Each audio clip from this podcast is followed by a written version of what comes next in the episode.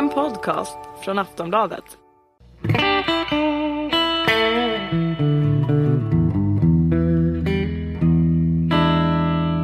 Hej och välkomna ska ni vara till denna veckas avsnitt av Sportbladets Premier League-podd. Mitt namn är Patrik Syk. Med mig i studion har jag som vanligt Kalle Karlsson. Det är du som får stå för analyserna idag. Ja, det får väl bli så med tanke på att vi är eh, manfall här idag igen. Ja, men eh, vi, har en, vi har en ersättare också i form av praktikant Ludvig som har hoppat in på ett hörn här. Du kommer sitta med i studion i alla fall. Vi kanske kastar en Arsenal-fråga på dig för att jag vet att eh, eh Arsenal är i ditt hjärta, eller hur? Ja. Mm. Det, det, låter fint, men vi ska faktiskt börja en liten bit ifrån Arsenal, en annan del av norra London, nämligen Tottenham där Frank de Boer har ryktats ta över efter Tim Sherwood. Den bästa tränaren i Tottenhams eh, nutida historia, ska de verkligen släppa Tim Sherwood? Eh, det, där ja, ut, det, där, det, där, det där är ett uttalande från Tim själv. Ja, det är värt att betona att det är ju alltså hans egna ord. Och det är klart att tittar man på hans statistik så har han väl fog för att eh, säga det rent statistiskt. För han har väl den bästa vinstprocenten vad jag förstår av Tottenham-tränare i modern tid. Men eh, man måste också titta på eh, vilka förutsättningar du kommer in till ett jobb i och eh, liksom vilken situation och vilken trupp du har att jobba med. Jag skulle nog vilja påstå att Harry Redknapp är Tottenhams bästa tränare i modern tid med tanke på att eh, han tog över ett Tottenham som låg i botten av Premier League och lyfte dem på kort tid faktiskt till Champions League-spel. Eh, så jag håller honom betydligt högre. Mm. Eh, och eh, det bor själv, självklart ska ja. Tottenham släppa Tim Sherwood. Det är, väl, det är väl inget snack? Nej, det, jag, det tycker jag, jag, tror, inte. Jag tror att många känner att de gärna skulle täppa till truten på honom också. För att det, det verkar flyga gro, grodor här eh, var och varannan vecka ur Tim Sherwoods mun. Ja, han är lite frispråkig så. eh, dessutom har han ju visat att han är en eh, manager som eh, kanske lite begränsad eh, rent taktiskt och och tränarmässigt än så länge också. Så att jag tycker inte han är någon visionär eh, på det sättet. Så att eh, Tottenham behöver få in en manager som eh, har en tyngre CV, som har mer erfarenhet och som kan bygga på sikt och även locka till sig spelare. Och då tror jag definitivt att Frank de Boer är ett namn som man eh, liksom kan blicka mot. Eh, det blir naturligt att man går om man då inte får Louise van Gaal, vilket man inte verkar få. Han verkar vara mer intresserad av jobbet som erbjuds i, ja, eller eventuellt kommer erbjudas i Manchester United. Eh, att man då går på en, en tränare med liknande bakgrund men en yngre upplaga. En som har fostrats i den holländska modellen, som har vunnit titlar, det ska sägas. Eh, fyra raka ligatitlar med Ajax. Det är ingen holländsk tränare som har gjort det tidigare. Det är... Eh, inte ens van Gaal. Nej, inte ens van Som ju är inte legendarisk Ajax-tränare. Rinus Mitchell och sådär. Så att det, det, är, det är riktigt imponerande. Och han tog ju över Ajax då också, kommer vi ihåg, i ett läge när, när de var i lite problem. Och han lyfte dem redan då eh, på en halv säsong till ligatiteln. Så att eh, eh Frank de Boer har ju dessutom gjort den där resan som tränare som jag tycker man bör göra. Det vill säga att man man eh, skaffar sig erfarenhet på lägre nivå först. Han tog ungdomslag i, i Ajax först och sen hoppade han in lite och var assisterande i, i, i landslaget och sen fick han sitt, så klev han på sitt eh, första managerjobb. Så han har liksom samlat på sig erfarenhet och inte hoppat rakt in i cirkusen. Vi ser han har, han har fyra titlar med, med Ajax. Vi har, vi har ju sågat den holländska ligan när det kommer till spelare och eh, som liga att köpa ifrån att det är ingen garanti bara för att du köper en målkung från den holländska ligan. Att man får kvalitet så att det räcker i en större liga. Samma gäller andra positioner förstås men gäller det även manager. Har statusen förändrats där tycker du? Nej, det tycker jag nog inte på det sättet att eh, den holländska skolan som utbild, utbildningsskola så att säga håller jag fortfarande högt. Och har man fostrats i Ajax-modellen med allt vad det innebär, alltså de är ju världsledande när det gäller ungdomsfotboll, så tror jag man fått en riktigt, riktigt bra skola att gå i. Och det är bara att titta på hur, hur konsekventa de har varit med att plocka in före detta storspelare som de har lotsat in i sin organisation med Den, Dennis Bergkamp, van Basten och, och Frank de Boeren och Philip Cocu under senare, senare år. Va? Så att jag tror att eh, han har fått en riktigt bra utbildning där. Tottenham då, hur ska han ta det här laget framåt? Massiva investeringar förra sommaren som inte har slagit så väl ut. Det är väl egentligen hans egen Christian Eriksen som eh, ju kom från Ajax som eh, har varit utropstecknet här under våren i första hand efter en skad, skadedrabbad höst. Hur ska han ta det här projektet vidare? Eh, nu ska vi säga det att, att eh, de Boer själv har gått ut och bekräftat att han, att han har blivit erbjuden i alla fall eh, blivit approached som man säger att han ska ta ett beslut senare under sommaren. Eh, klubben själva förnekar ju detta. Än så länge. Så vi pratar inte om någonting som är färdigt här på något sätt men, men det är ett rykte som, eh, som är faktiskt be bekräftat av De Boer själv. Men om det nu blir så att han tar över Spurs, hur ska han eh, förädla det här laget och ta dem tillbaks in i den här, det här racet om, om fjärdeplatsen och kanske ännu högre? Eh, jag, jag tycker att eh, vi, vi har varit inne på det tidigare men Spurs la ju enormt stora pengar förra sommaren och, och göra det ännu en gång och börja byta ut och storstäda, det tror jag inte på. Utan jag tror att de har fått in många spelare som har eh, en bra grundkapacitet. Nu gäller det att få ut det och lägga det här pusslet nu och få, få de spelarna att hitta sina roller. Jag tänker på en Palinho, jag tänker på såklart en Christian Eriksen som har varit väldigt bra den här säsongen och få ut eh, ännu mer av honom och bygga laget kring honom nästa säsong. Och kanske då om man ska behålla en Lamela då, om, om, eh, om man gör det, om man beslutar sig för det så, så bör ju han också få en större roll och man bör fundera på hur man ska få ut kapaciteten från honom. För den finns ju också där någonstans. Så att eh, det med någon värvning här och någon värvning där men inte speciellt eh, vad jag ser på transfermarknaden att det är där de ska eh, göra jobbet utan snarare utveckla det som finns redan. Ska man behålla Adebayor?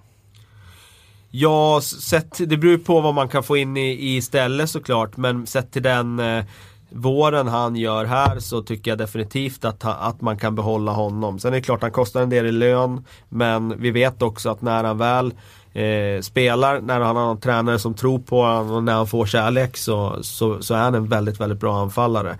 Och eh, det kommer kosta mycket att köpa in en anfallare av den digniteten. Mm.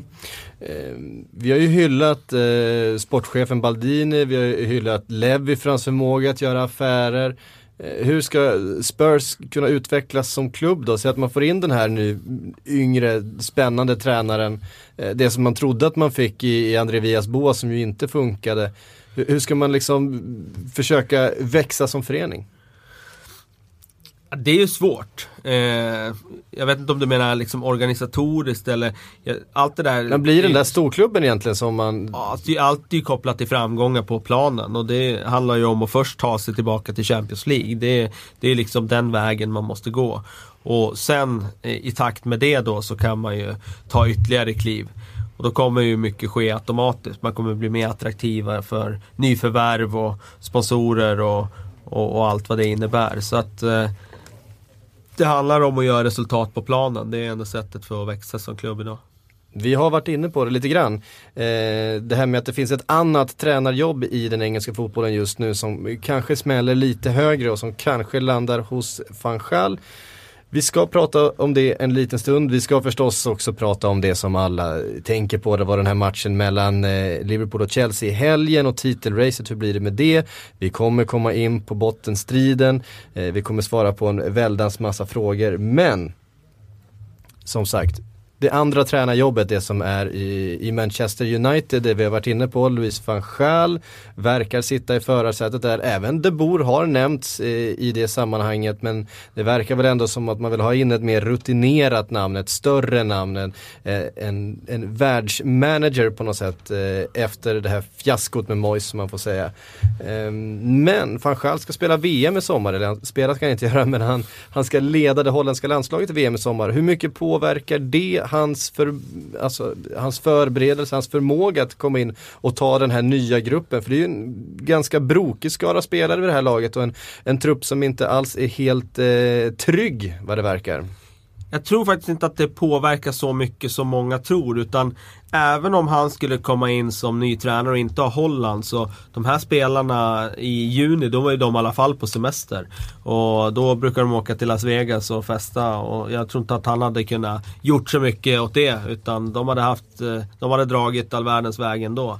Så att, eh, men det är dessutom en trupp som måste byggas om. Absolut, men under VM så kommer han vara på plats där många av de potentiella nyförvärven är. Eh, det vill säga VM i Brasilien och då kommer det finnas tillfällen att, eh, att träffa de spelarna och prata med dem. Eh, det, det, så vet jag att det har fungerat tidigare så att det tror, tror, du, jag tror inte. han löser det? Han liksom sköter landslaget med ena handen jag, och sen fisk, fiskar, lite, fiskar lite spelare till ett eventuellt United-jobb då efter semestern. Jag tror att de redan nu har identifierat vilka spelare de kommer vilja gå på.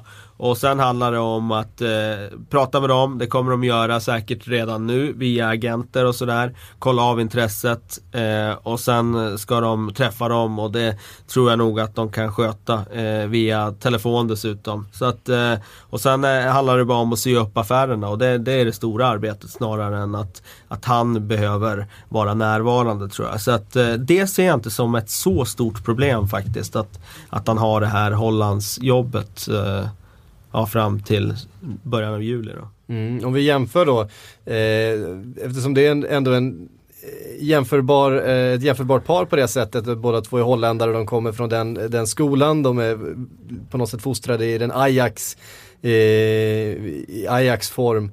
Eh, men det skiljer 20 år på dem, van Schaal och De Boer. Är van Schaal verkligen ett framtidsnamn? Ja det är ju det som är grejen att eh, man känner väl att Frank de Boer är väl lite för ung och för grön. Och farhagan då för Uniteds fansen, det är väl om Louis van Gaal då är eh, lite för gammal och passé. För att... Eh... Vart står han fotbollsmässigt? Är han, är han liksom, står han för en modern fotboll? Kan han hänga med eh, den här taktiska utvecklingen som har skett de senaste åren med eh, dels Mourinhos sätt att spela fotboll på men vi har också sett eh, Klopp Eh, Brendan Rodgers, eh, Martinez, eh, står för en annan sorts fotboll. Ja, det återstår ju att se för att eh, som jag ser det så hans, hans tyngsta meriter ligger ju på 90-talet.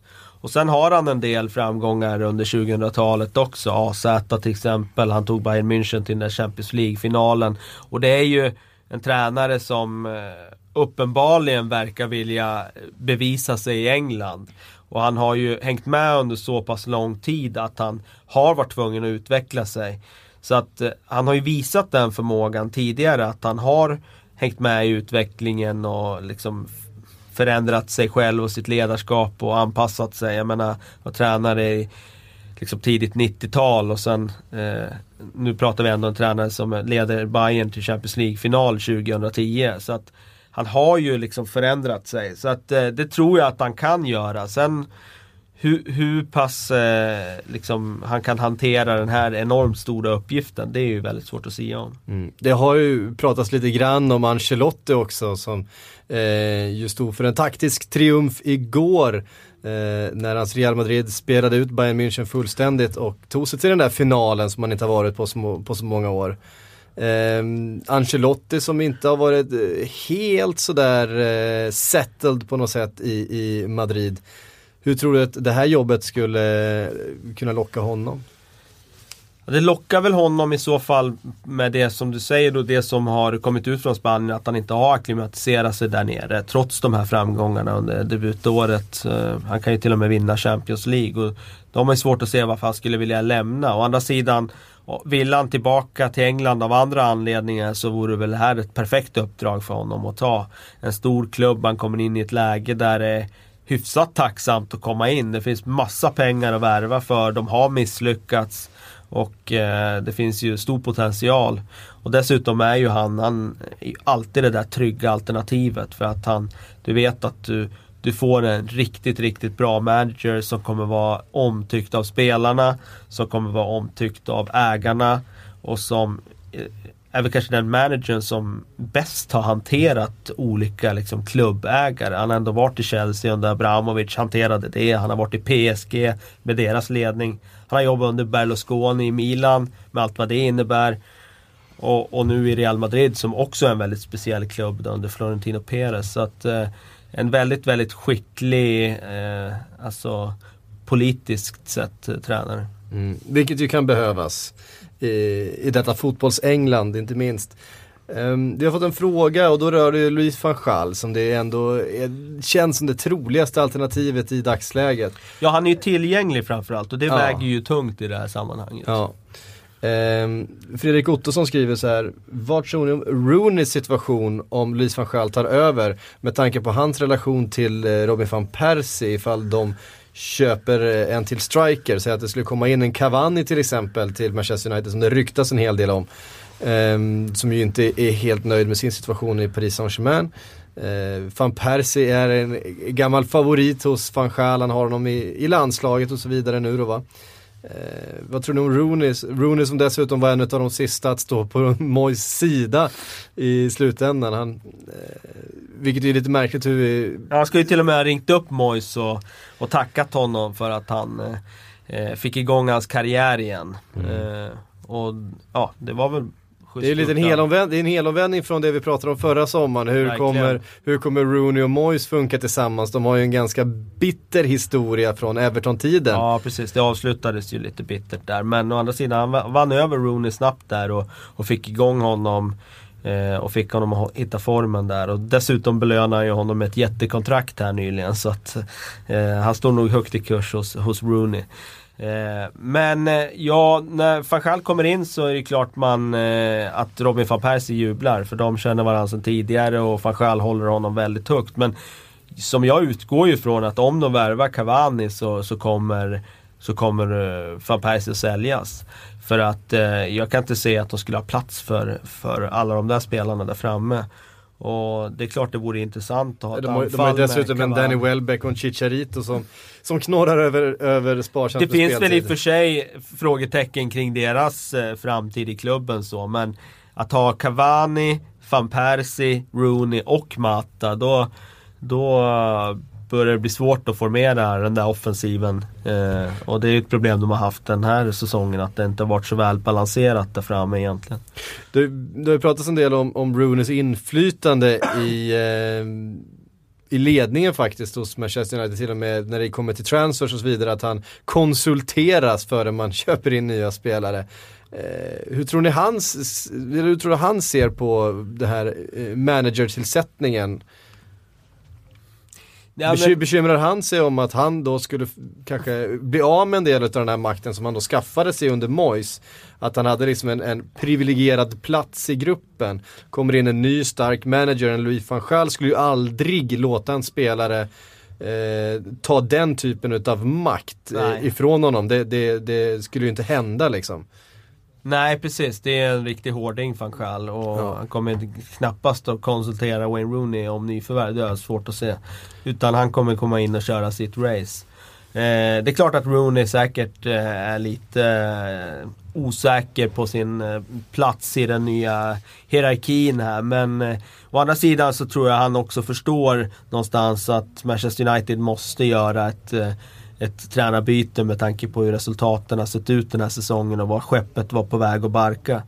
Så att eh, jag tror han är positiv ändå till att de tar in en topptränare som kan locka stora namn till klubben. För det är ju det som någonstans är enda sättet att ta United upp ur den här eh, svackan de har varit i. Mm. Men nu är det Giggs som står där. Tillsammans med sina gamla polare. Eh, från den framgångsrika Class of 92. Ja det var ju nostalgi att se dem i helgen. Där ja. vandrade in han såg tjus, tjus ut i den där kostymen Giggs, det får man säga. Ja, satt, han, satt bra där på Om vi bara på, dömer på, på, på hur, hur elegant han är i klubbkostymen så, så ska han ju ha det där jobbet. Ja så är det. Eh, och en eh, komfortabel seger blev det också. Icke förvånande. Eh, det, känd, det kändes ju som att det kunde bli den här lilla urladdningen. Ja, liksom. precis. Eh, reaktionen bara av att spelarna nu, om de var så missnöjda under Moise, så bara det att, att de får in ett nytt namn så brukar det bli så att gruppen enas och att de gör en, att de sprattlar till direkt och, och gör en Eh, en riktigt bra match. Nu var det väl lite trögt i första halvlek men jag tycker i alla fall det fanns tecken i andra halvlek på att det fanns en fart och en eh, offensiv lusta i, eh, liksom, en vilja att verkligen gå framåt och spela med energi som det inte har funnits tidigare den här säsongen. Kunde du med ditt öga se något, så, något slags tränarämne som gjorde, gjorde någon sorts skillnad i den matchen på det Manchester United vi har sett eh, tidigare under säsongen? Nej, egentligen inte. Det är nog för tidigt att säga. Eh, utan man får nog eh, ge det några matcher och egentligen mer än så innan man säger någonting om det. Eh, jag tror det var mer en mental grej nu att, att spelarna slöt samman och slöt upp bakom gigs här och, och verkligen kom överens om att de skulle spela han blev ju, spela för, blev för varandra. Ju jäm, jämförd med en Pep Guardiola. Ja, som kom, precis. komma direkt från, från de egna leden och ta ja, över och precis. bli Lindegård var intressant, Lindegård sa det där att Ja. hans, eh, hans motivationssnack inför matchen var, var det närmaste Lindegård hade hört eh, Sir Alex Ferguson. Och det är ju en sån där grej som folk kanske undervärderar. Alltså den här förmågan att tala till spelarna så att de hajar till. Eh, de där 5-10 minuterna före match, när, precis innan de ska gå ut. Eller under ett halvtidssnack. Eller under en samling, en matchgenomgång lite innan. Eh, den, den aspekten är underskattad tror jag hos folk eh, som ser saker utifrån. Sämre liknelse kan man väl få som en, så, som en eh, ung manager före detta spelare med, med ambitioner. Verkligen. Och det verkar ju som att eh, även Wayne Rooney är väldigt sugen på tanken att, att Ryan Giggs ska få det här på heltid. Jag är ju tveksam. Eh, och det var ju det jag och Simon pratade om här förra veckan då att farhågan här för United är ju att han kommer in här i slutet, det gäller inte så mycket matcherna. De kommer in och de vinner stort varenda match och så blir det det här trycket på att han ska ta över. Och så står han där med tvåårskontrakt här om en månad och sen eller mer än så kanske. Och, Kanske ett ut- sexårskontrakt. Ja, nej, det tror jag, den fällan går de ju inte igen. De, det, han får nog bara två år i så fall. Men att de går i den här fällan att tro att någon som kommer in direkt eh, eh, från spelare till tränare. Jag tror att det är alldeles för komplext idag för att göra det. Så att jag, jag tycker att eh, det finns absolut stora chanser för att Ryan Giggs tränar Manchester United i framtiden. Eh, men jag tror nog han skulle må bra av att kanske göra som Pep Guardiola gjorde. Ta B-laget, eh, börja där och ta det under ett par säsonger. I alla fall ta bort lite av de här barnsjukdomarna som, som man faktiskt eh, ställs inför när man står inför sitt första tränarjobb. Jag kommer ihåg Phil Neville pratade om det när han, när han hade klivit in som assisterande under eh, eh, Under U20 Moyes? Ja, jag tror det var U21-landslaget faktiskt, Stu- Stuart Pearce. Och, Ja. och så blev han, eh, och så hade Pearce sagt till honom så här att Ja men du kan väl, du kan väl hålla i en övning, du kan väl hålla i en passningsövning. Och Neville hade blivit helt, eh, alltså Phil Neville då, hade blivit helt så här. Eh, han kom ju av sig helt och bara, han, han liksom tränar fotboll i, i 25 år och så bara, vänta hur fan, vad ska jag köra för passningsövning liksom? Hur ska, vad ska jag ge för instruktioner? Alltså, det, där, det är inte så lätt att gå till det där och stå på andra sidan som folk tror. Och jag tror att det är det som eh, eh, ja, man glömmer bort ibland. Var på de meriterna som han sen blev assisterande under Moyes och eh, hela den framgångssagan. det. Ehm, vi släpper Manchester United och tränarbiten där och sen så vänder vi oss då mot Liverpool. Där det är ett, ett tungt sinne efter 2-0 förlusten mot eh, Chelsea. Är det kört för Liverpool nu? Ja, jag bollar tillbaka frågan till dig och frågar, hur känner du? Nej, man, är, man, eh, som Liverpool-supporter blev man ju förstås ganska dyster eh, av det resultatet. Jag eh, tillhörde ju de som absolut inte hade tagit ut någonting. Eh, försökt glädja, glädja mig åt det faktum att vi eh, kvalificerat oss för eh, Champions League och, och ser det på lite längre sikt. Eh, och att den här ligatiteln, om den skulle komma så skulle den kännas som en bonus. Jag vet att många andra, det har ju sjungits på läktarna, we're gonna, we're gonna win the League och now you're gonna believe us och så vidare. Eh, så att det, det man känner, det jag känner är en fruktansvärd sympati för Steven Gerrard. För om jag känner min Steven rätt, vilket jag naturligtvis inte gör, eh, men så har man i alla fall en uppfattning om att han är en, en människa som tar de här sakerna eh, ganska hårt. Han är ingen lättsam personlighet. Han är inte en, en kille som skakar av sig en motgång. Typ som Eh, Nicolas Anelka. precis. Missar straff i Champions League-final, det är en axelryckning. Ja, precis. Ja, men han, han går inte vidare så här, utan han kommer, blir ingen titel så kommer det här följa med honom för resten av hans liv. Det är det, liksom den känslan man har.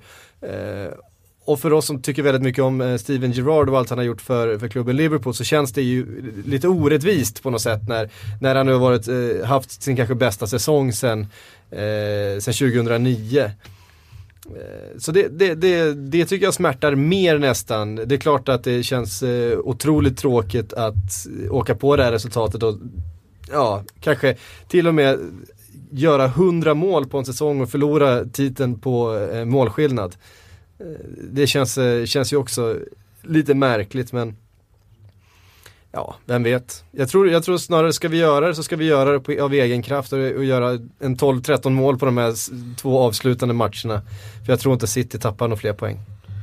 Ja, Jag har ju en feeling av att det kan svänga igen. Eh, Jag hade i och för sig fel i helgen för jag trodde absolut inte att Chelsea skulle åka till Ja, du Anfield. tippade ju 3-0 till Liverpool. Ja precis, jag tror inte absolut inte att de skulle åka dit och vinna. De hade inte momentum och de hade inte spelarna tillgängliga. Men det var ju uppenbart att de hade en tränare som visste vad som krävdes för att, för att, för att ge dem chansen Men få tre poäng. Men är det inte otroligt imponerande trots att de har så mycket eh, skador och de, ska, de har Champions League i veckan, de kastar in en Kalas från start, hans första Premier League-start, de kastar in en Ivanovic i mitten. Eh, och han får ut det här jobbet av allihop. Ingen, det, det är knappt ett misstag på, på 90 minuter från en enda spelare försvarsmässigt. Eh, det är otroligt imponerande. Ja det är Och att, fantastiskt. och att han får de här offensiva spelarna som Schürrle till exempel att ta ett otroligt defensivt arbete. Ett arbete som han antagligen inte har gjort under hela sin karriär på samma sätt. Eh, men att han gör det och han gör det nästan felfritt.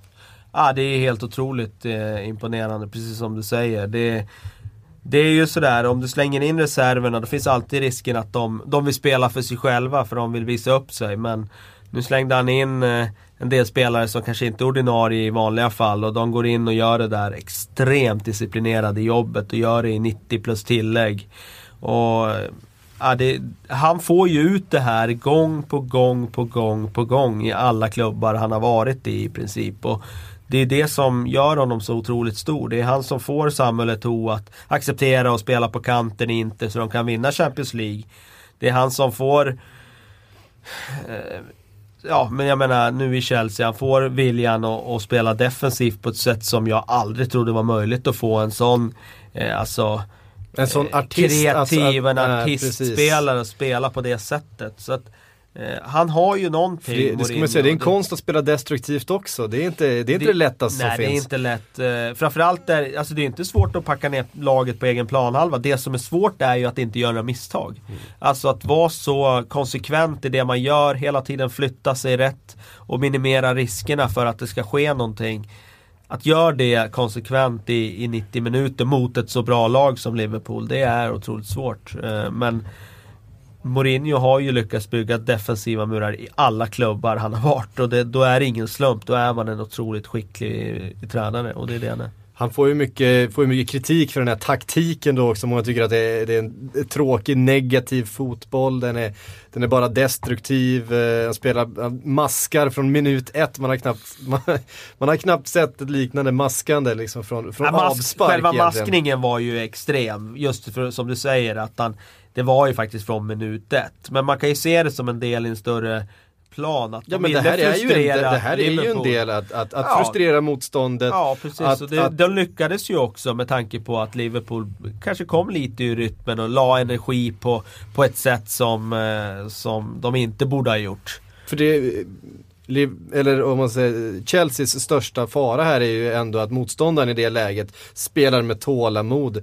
väntar på läget. Därför ligger man, spelar man hela matchen på en planhalva, ja, då är det omöjligt att se det eh, på något annat sätt än att det laget som har bollen på sin planhalva förlorar.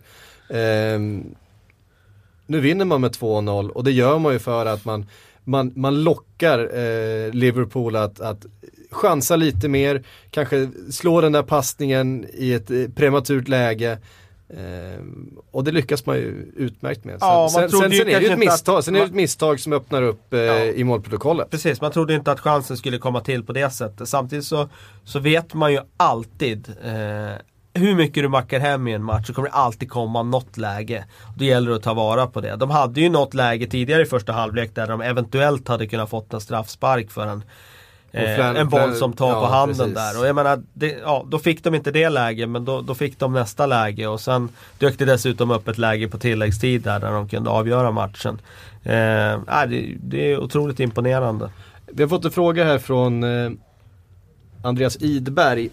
Eh, han skriver, varför i hela helvetet spelade inte Liverpool för kryss mot Chelsea? De hade kunnat parkera varsin, på varsin planhalva och få en poäng var. Det Ja, känns som det- båda två hade tagit kryss på förhand. Ja, och det är lätt att säga också med, med, med facit i hand. Eh, det är ju det vi har sån... Eh, vi har ju fördelen av att kunna säga det, eh, saker och ting i efterhand. Men om nu Liverpool hade gjort det och så hade Chelsea ändå vunnit med 1-0 för de hade nickat in en hörna i, i, i 91 minuten. Då hade ju Brendan Rodgers fått massiv kritik. Och sagt så här, varför, varför, Varför var, varför, varför var ni försiktiga för?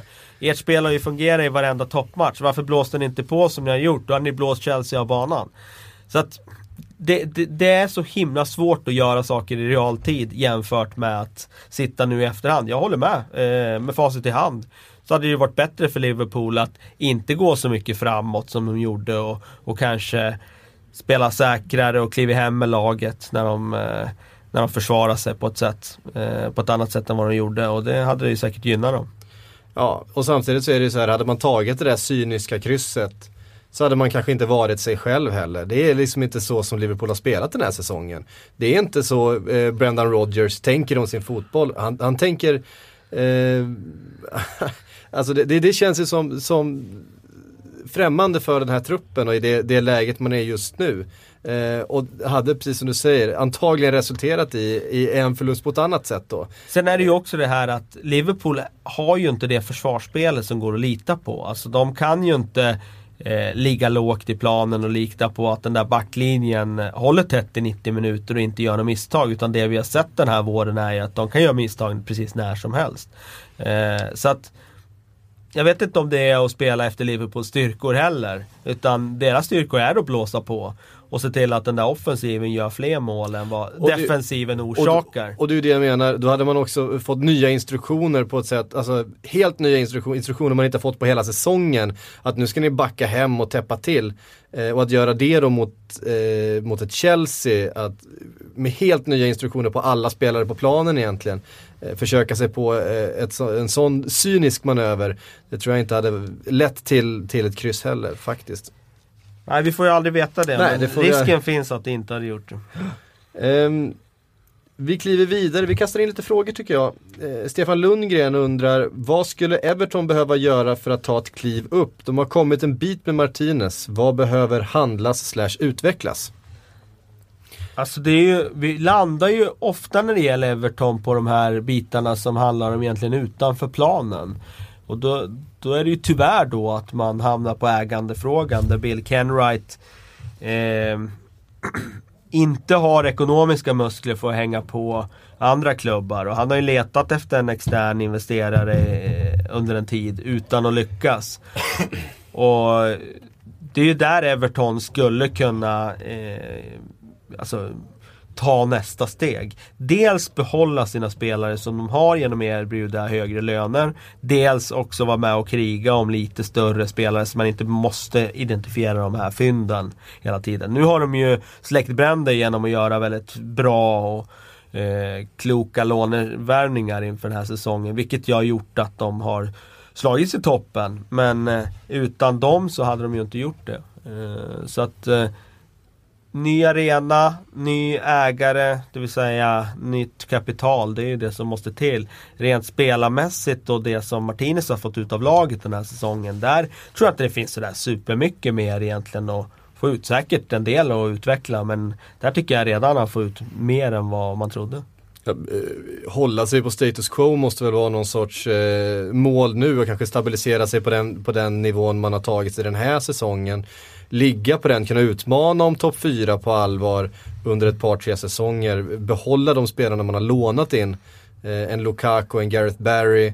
Eh, att kunna ha den nivån på, på trupp eh, i ett par säsonger framöver så att man liksom känner att man är där när man väl ska ta nästa kliv. Eh, och inte riskera för mycket när man ändå har lite vind i seglarna. Och sen dessutom hoppas på att den här fina akademin producerar ännu fler guldklimpar. För gör man det, då hamnar man ju i... Eh, ja, då har man ju en riktigt bra konkurrensfördel. Mm. För får man inte fram en till Ross Barkley här som besätter en plats i startelvan, som har hjärta för klubben och som man kan dessutom behålla ja, ett par, tre år i alla fall. Då, då kan man ju verkligen gå fram och börja utmana upp mot topp 4 och då vet man ju inte vad som sker. Alltså då finns ju, skulle man nå Champions League-spel, då finns ju, då öppnar sig möjligheter igen. Det ska bli intressant att se vart en spelare som Stones eh, tar vägen med sin, med sin form eh, nästa säsong. Det spekuleras ju redan nu i, i, stora bud på John Stones från, från Chelsea bland annat. på så att eh, jag, tr jag tror och hoppas han blir kvar i Everton. Mm. Minst ett år till. Eh, Simon von Porat eh, skriver så här. Varför höll Arsenal inte ut i guldracet? Var det på grund av försvarsspelet eller bristen på avlastning på Giroud anser ni? Och då vänder jag mig till Ludvig. Du har suttit här eh, duktigt och lyssnat, fört anteckningar, ta med dig, det blir utvärdering sen. Eh, men nu vänder vi oss mot Arsenal och den här säsongsavslutningen. Vad tror du? Varför kunde man inte hänga med? Eh, jag tror att eh, en stor grej är att alla de här skadorna på ja, Wilshire, Ramsar borta, Özil. Ja, det blir svårt att hänga med. Det blir ju det. Eh, det är ju inte, det är inte första säsongen vi ser ett väldigt skadedrabbat Arsenal. Det, någonstans måste man väl se sig själv i spegeln här va? Ja, och jag tror att uh, Arsene Wenger kommer att göra det nu. Han uh, efterlyste ju en utredning nu faktiskt. Efter alla dessa år med skador. Så vill han utreda och titta närmare på vad, vad grunden var till, till att de återigen stod med så lång skadelista. Jag köper din förklaring här uh, att det är en stor anledning. Uh, skadan på Ramsey blev förödande för Arsenal. En spelare som uh, var motorn i laget, bidrog inte bara med mål och assist utan han, han drev laget framåt under hela hösten. Och när han gick sönder så, så tappade de en dimension som, som det är ingen annan spelare i laget som, som har kunnat ge det. Sen är det dessutom det faktum att, eh, att Giroud eh, var alldeles ensam. De har inte en striker i världsklass. Vilket eh, flera av de andra lagen i, i toppen har. Eh, och det är klart att det var ju en farhåga redan förra sommaren under hösten att han var för ensam och de hade chansen i januari att, eh, att åtgärda det. Eh, och då gjorde de inte det och det är klart att eh, det har blivit utslagsgivande. Men man tog ju in Kim ju. Ja. ja, Kim har ju i och för sig bidragit mer än vad jag trodde att han skulle göra för att när han var skadad när han kom och verkligen hade chansen att få speltid Eh, så trodde jag att det kunde bli så att han inte skulle få spela överhuvudtaget. Men nu har han faktiskt gått in och gjort några minuter och gjort det godkänt. Så att, eh, ingen skugga över Kim, men där, däremot borde ju Arsenal såklart ha i ett tidigare skede löst den här anfallsproblematiken. Eh, om vi kollar på den då, Ludvig, om du får välja vilken anfallare som helst eh, rimligt nu va, Messi inte till salu. Eh, till Arsenal i sommar, vem, vem vill du värva då? Eh, och Benzema skulle sitta fint om eh, Suarez gick till Madrid. Skulle de kunna släppa Benzema tycker jag. Tycker jag. Det tycker du ja. Yes. Det, det, jag tänker jag, på en sån spelare som låter obe obehagligt. Mario Mandzukic tänker jag på. Eh, kommer inte stå högt i kurs tror jag i Bayern i, i sommar när de får in Lewandowski.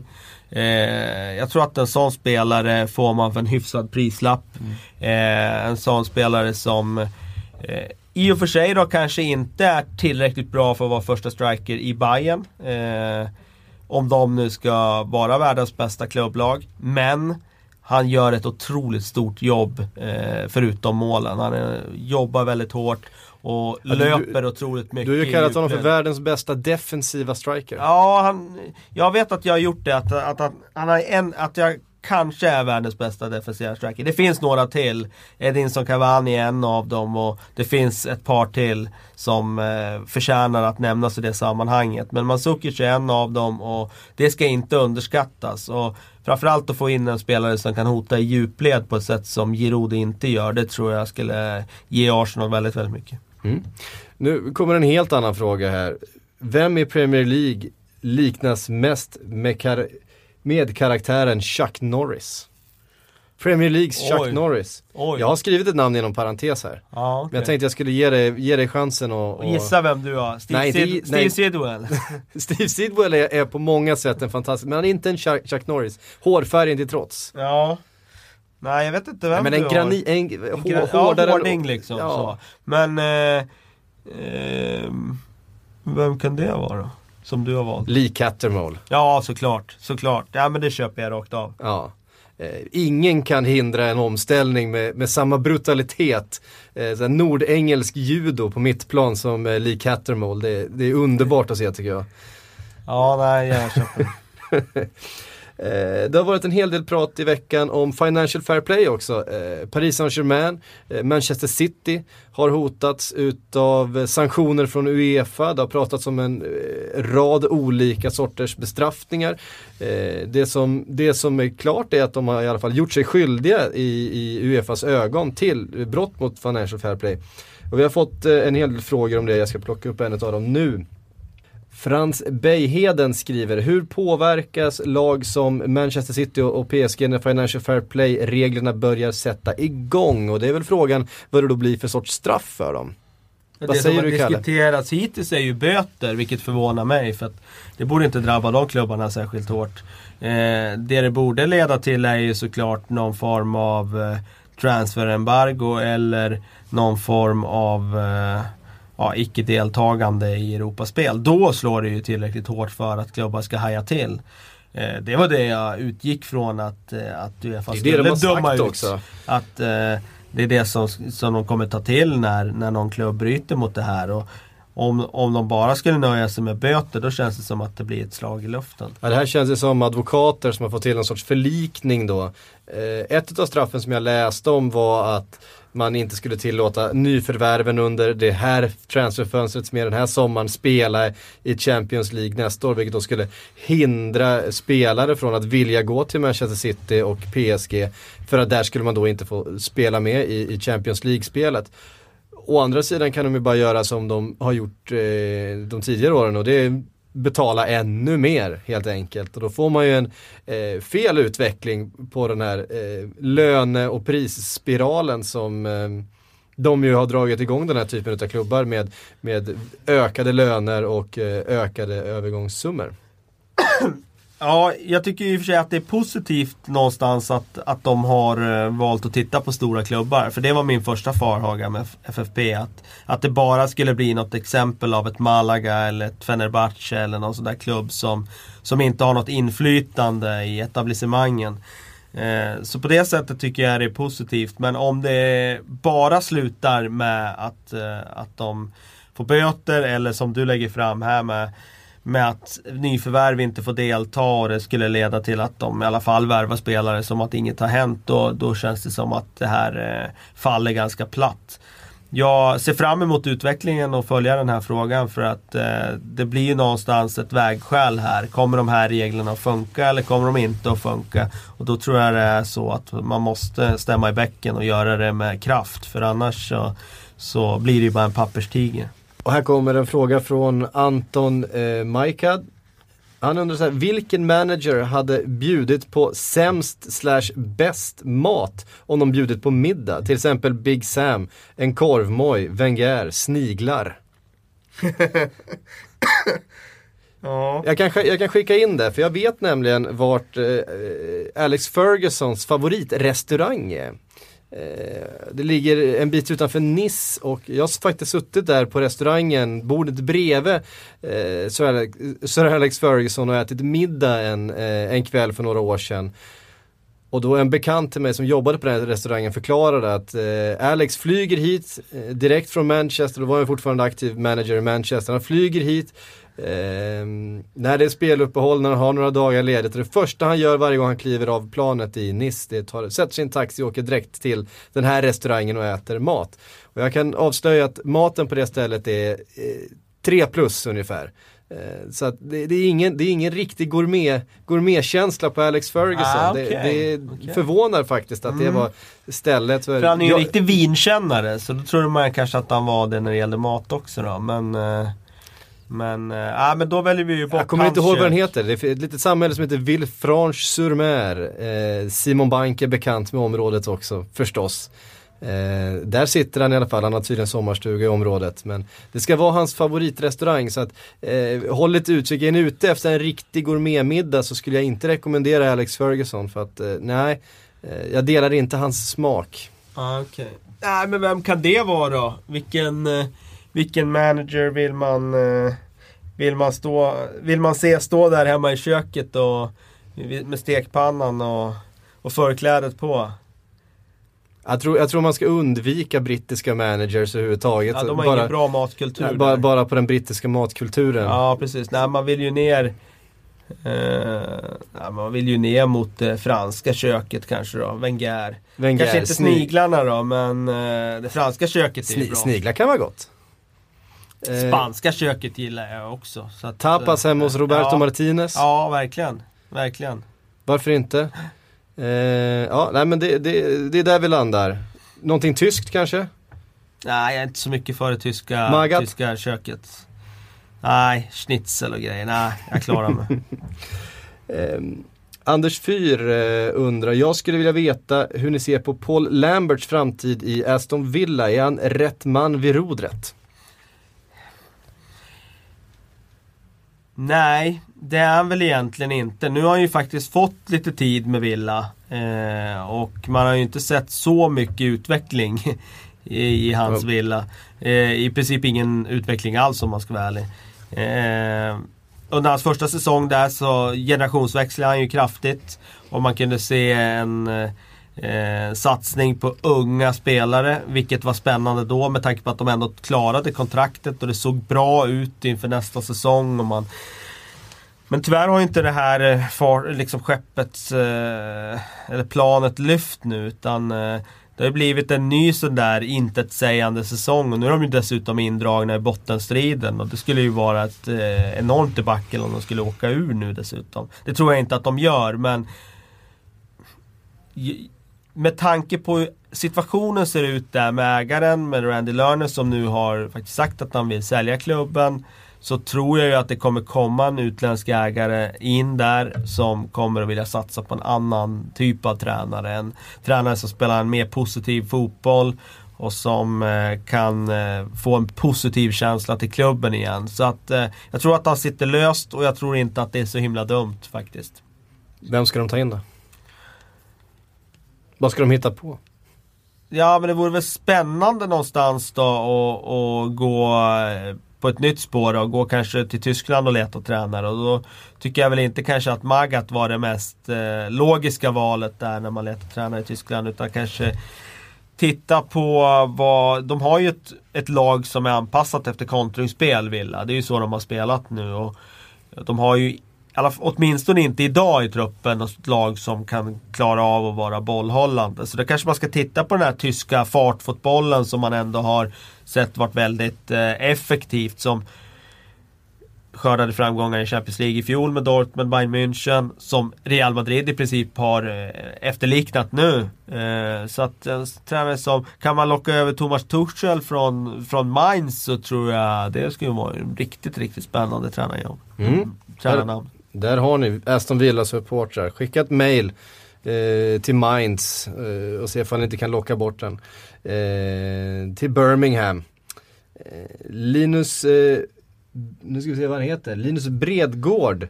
Eh, är denna säsongen en engångsföreteelse eller har Liverpool blivit ett topplag i Premier League igen?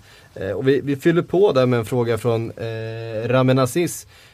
Vad tror ni kommer hända med Liverpool i sommar? Finns det en chans att Suarez eller någon annan säljs? Ja, men jag bollar över den frågan till dig. Vad är din känsla kring om Liverpool eh, är ett topplag nu på sikt?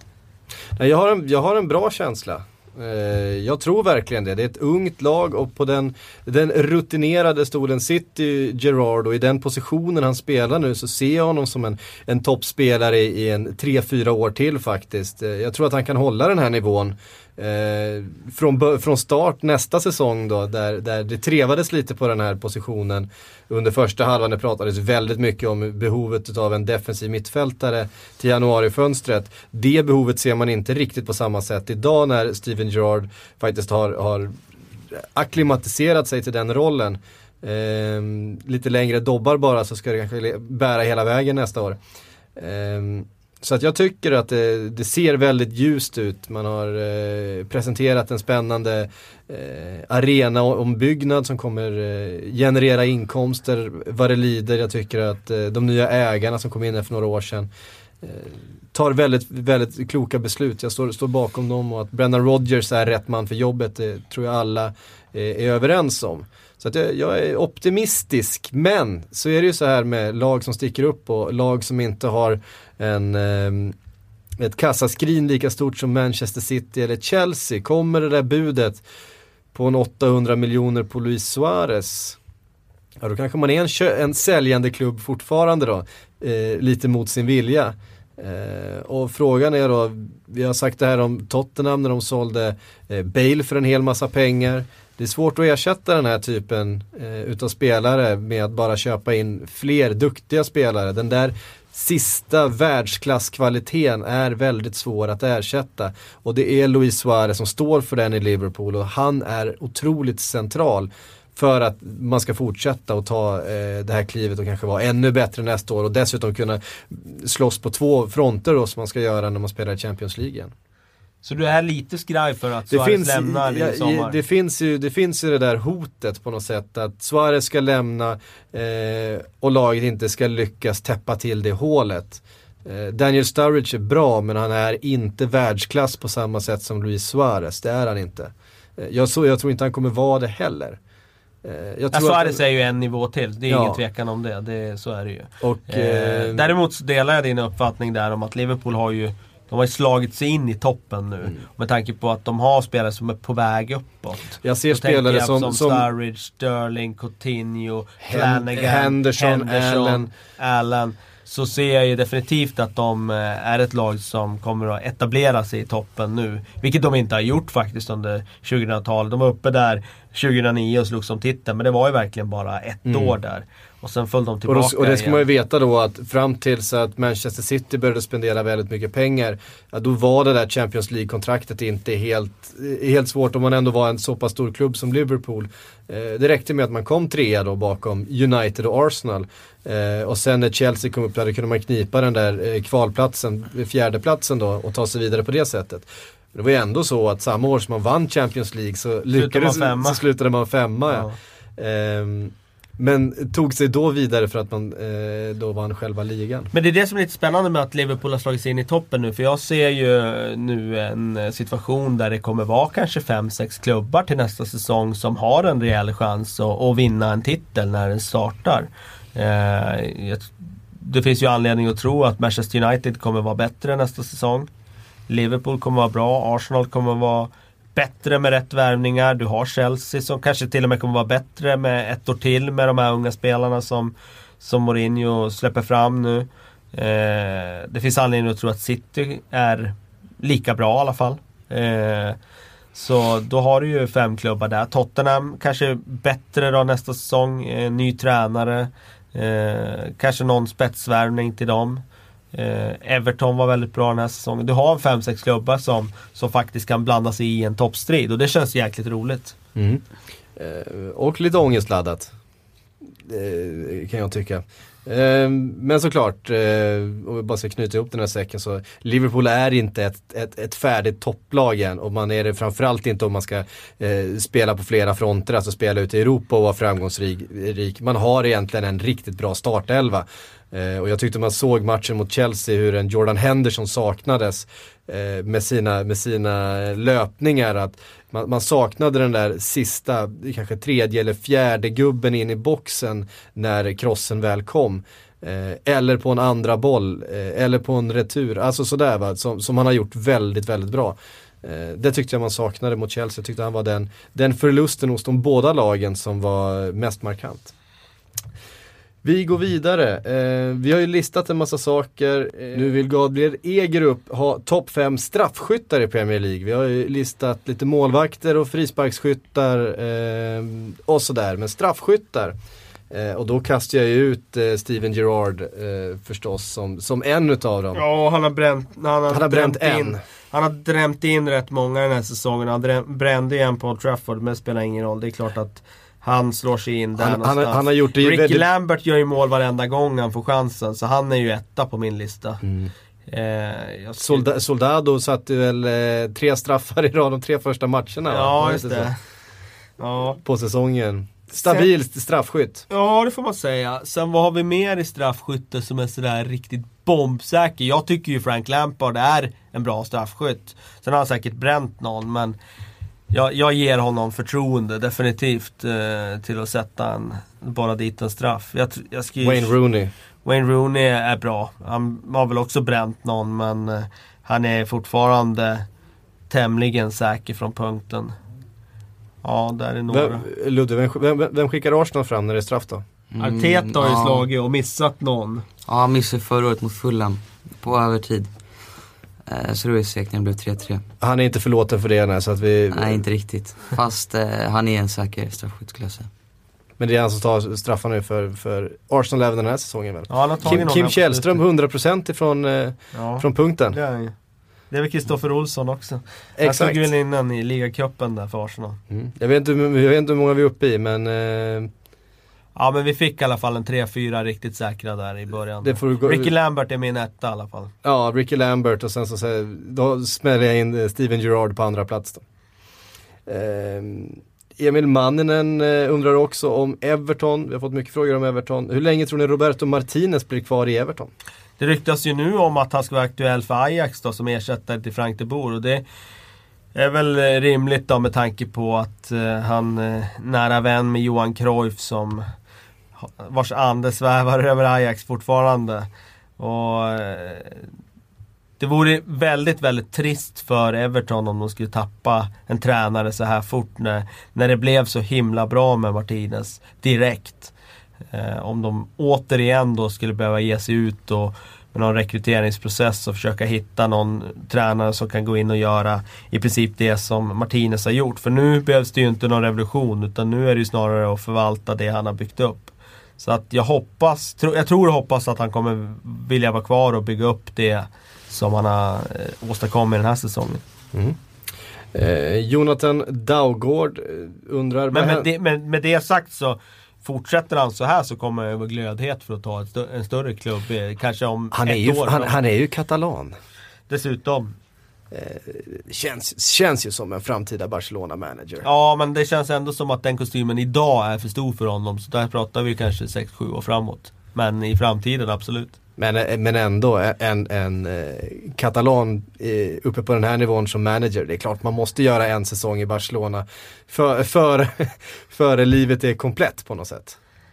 Ja det är väl klart att någonstans Det att måste han, väl vara en hans, dröm, en dröm för honom. Hans filosofi bygger ju på de tankarna som, som de lär ut där och det är klart att han någonstans in, innerst inne så har han säkert det som dröm att få, få coacha där.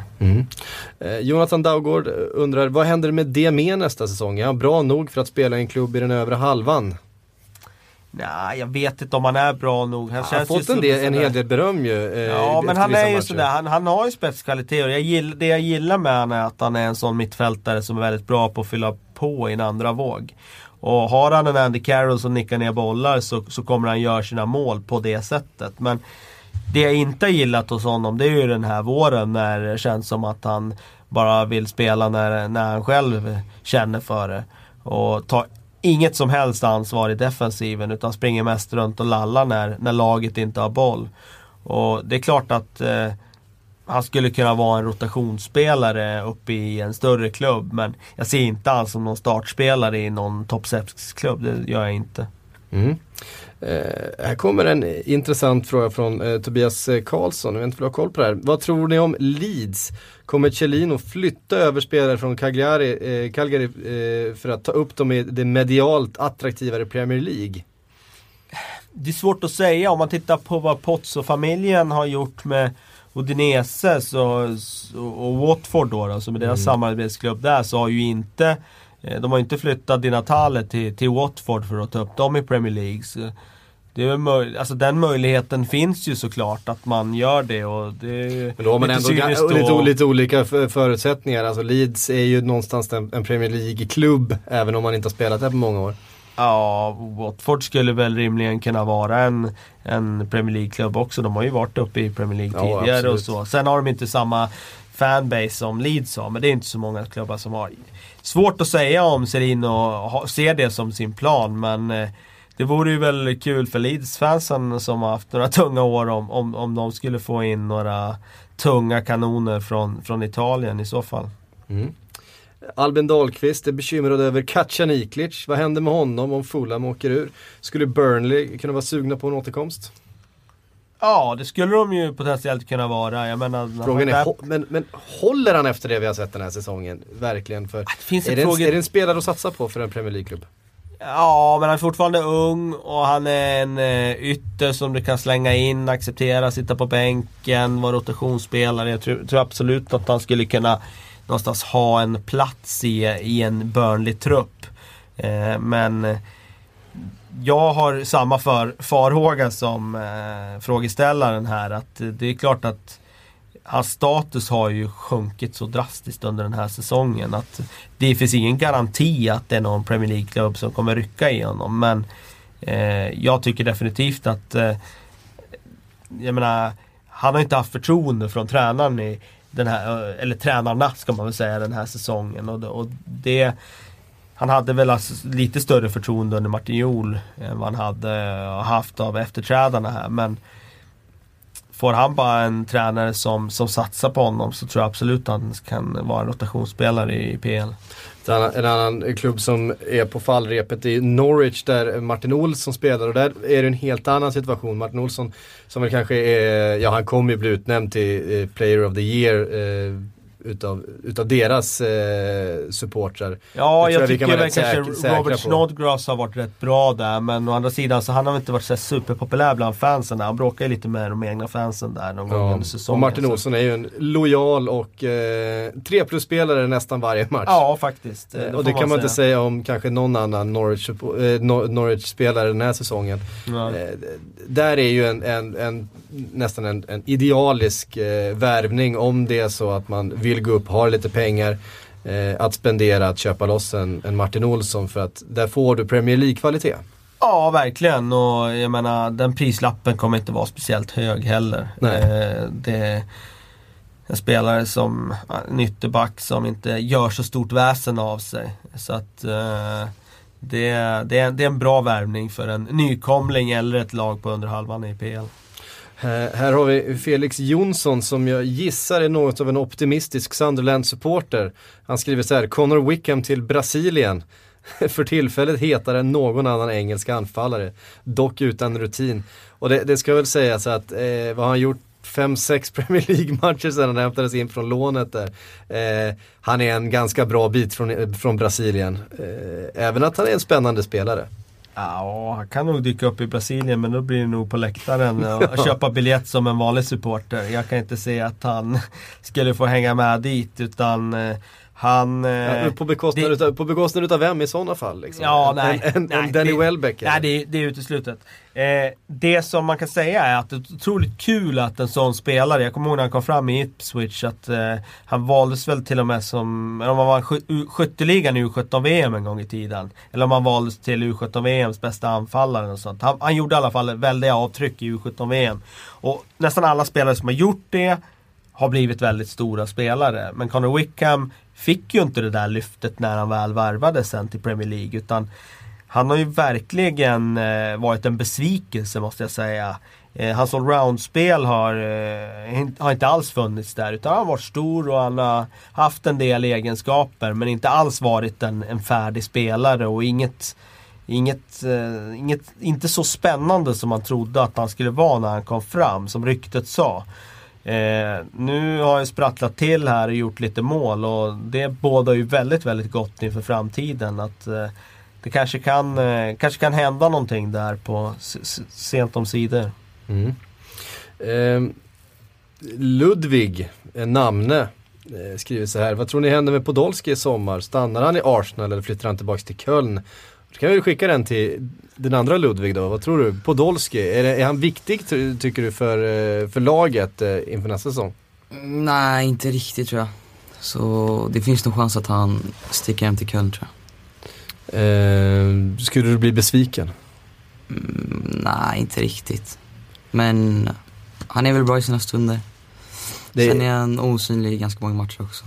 Och tar ju ganska lite av det där defensiva jobbet som vi, som vi berömde är till exempel Han är en Schürrle för. fantastisk avslutare. Eh, Ja, ger Inne du- in i boxen så är det ju alltid mål läget alltså. så nyper han ju till på ett sätt som ingen annan spelare i Arsenal gör och väldigt få spelare i Premier League faktiskt. Men det är det där att han är ju inte... Han är inte en spelare som Arsenal kan ha i startelvan och vinna toppmatcher i Premier League med och vinna ligan med. Jag tror inte det sett över tid. För att han kommer att slarva för mycket i sitt allround-spel. Framförallt i det defensiva. Och det kommer straffa laget för mycket. Sen gör han mål, absolut. Och han kommer att peta in ett par bollar i några matcher. Men det kommer vara matcher där han kostar Arsenal poäng. Eh, och det kommer bli ödesdigert för laget, tyvärr. Så att eh, jag skulle inte se det som någon enorm förlust om han vänder hem till Köln. Och kanske lika bra att han får avsluta sin karriär där hemma. Mm. Eh, En avslutande fråga, den kommer från John-Hugo Olsson. Hur länge kommer ni orka med podcasten? Vi orkar hur länge som helst. Ja, just nu tycker jag vi är inne i ett bra podcast-flow här. Det rullar ju på varenda vecka och vi får fler och fler lyssnare och det är jätteroligt. Sen kommer det ju för sig en sommar här där jag tror att vi kommer ta ledigt från podcasten. Där den kommer övergå i silly season-snack istället. Men eh, så länge det är säsong här i Premier League så utgår jag från att vi håller i. Mm. Men just för idag orkar vi faktiskt inte mer. Eh, tack Kalle, tack Ludvig eh, som hoppade in som praktikant här idag. Eh, jag tackar mig själv, det får man göra va? Det får man göra. Ja. Eh, och så tackar vi alla som har lyssnat. Hör av er på Sportbladets PLP, hashtaggen på Twitter, så hörs vi om en vecka igen. Hej!